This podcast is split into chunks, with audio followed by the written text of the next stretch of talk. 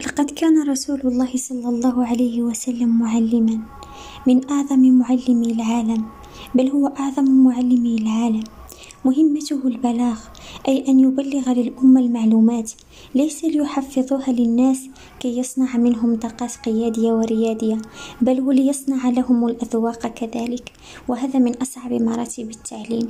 فقد تجد لذة لطعام ما هي عند الآخر غير موجودة وتسعى جاهدا لإقناعه بأكله تحفيزا وتحبيبا لكنه لا يجد له مذاقا. وهذا يعني أن التربية على التذوق مسلك صعب فكيف بالتربية على تذوق القرآن.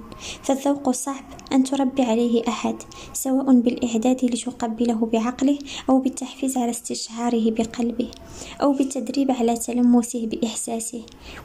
ومع ذلك كله فالرسول صلى الله عليه وسلم كان يعلم الأذواق وتلك أعلى مراتب التعليم التي ليس بعدها مرتبة.